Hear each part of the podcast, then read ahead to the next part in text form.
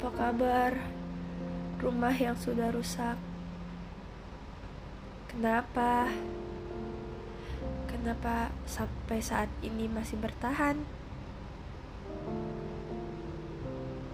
Memang keluarga tidak selalu tentang rumah. Karena kadang yang paling dasar itu yang membuat kita lupa rumah kita di mana ya? Apa apa motivasi dan alasanmu untuk tetap terus berjuang? Seakan-akan hidup ini itu tidak sebatas rusaknya sebuah hubungan. Begini, begini.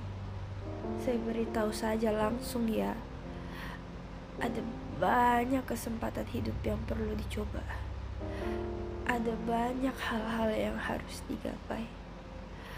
Kalau memang pada dasarnya sudah tidak kokoh, tapi sampai saat ini kamu masih ada, berarti kamu adalah pribadi yang tangguh. Kenapa saya bilang begitu? Karena yang harusnya dasar adalah memperkokoh bangunan, tapi kau memperkokoh di seluruh bagian. Uh, hari-hari pasti akan cukup melelahkan, tapi untukmu yang sudah terbiasa, pasti berpikir dan berkata, "Ya sudah, ini kan hidup." Tapi bukan berarti rasa iri itu tidak pernah menghantui pikiranmu. Ada saja. Tapi di diselingi benci, rasa iri itu berubah menjadi rasa kemarahan. Tapi kadang rasa marah diredam dengan untuk apa sih memikirkan hal yang sudah-sudah masih banyak loh kesempatan yang bisa kita lakukan di depan.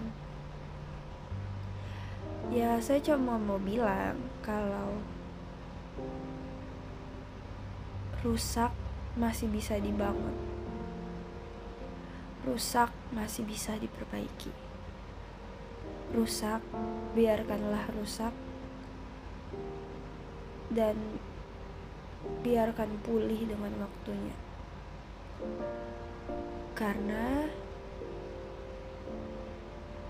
karena apa ya saya belum bisa mengerti kenapa sebuah ikatan sakral harus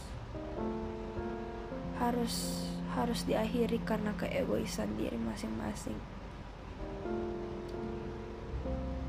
Tapi saya juga tidak mau tahu karena saya juga takut. Takut entah karena apa saya juga tidak tahu. Untuk Muru yang rumahnya sudah rusak tidak apa-apa. Banyak sekali hal yang bisa kita raih. Ada banyak hal-hal yang sangat keren dan tapakilah kakimu di sana dan berkata, "Hei, lihat, aku bisa bikin rumah yang lebih kokoh. Dan untukmu yang rumahnya kudoakan tidak akan pernah rusak.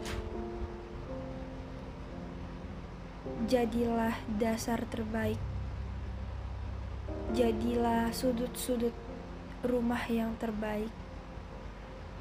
Kokohkan bangunan itu. Karena seperti yang ku bilang waktu itu, awal pasti ada akhir. Tapi untuk merusak bukan bukan solusinya. Tapi kalau itu jalan terakhirnya, kita harus bisa kembali tertawa.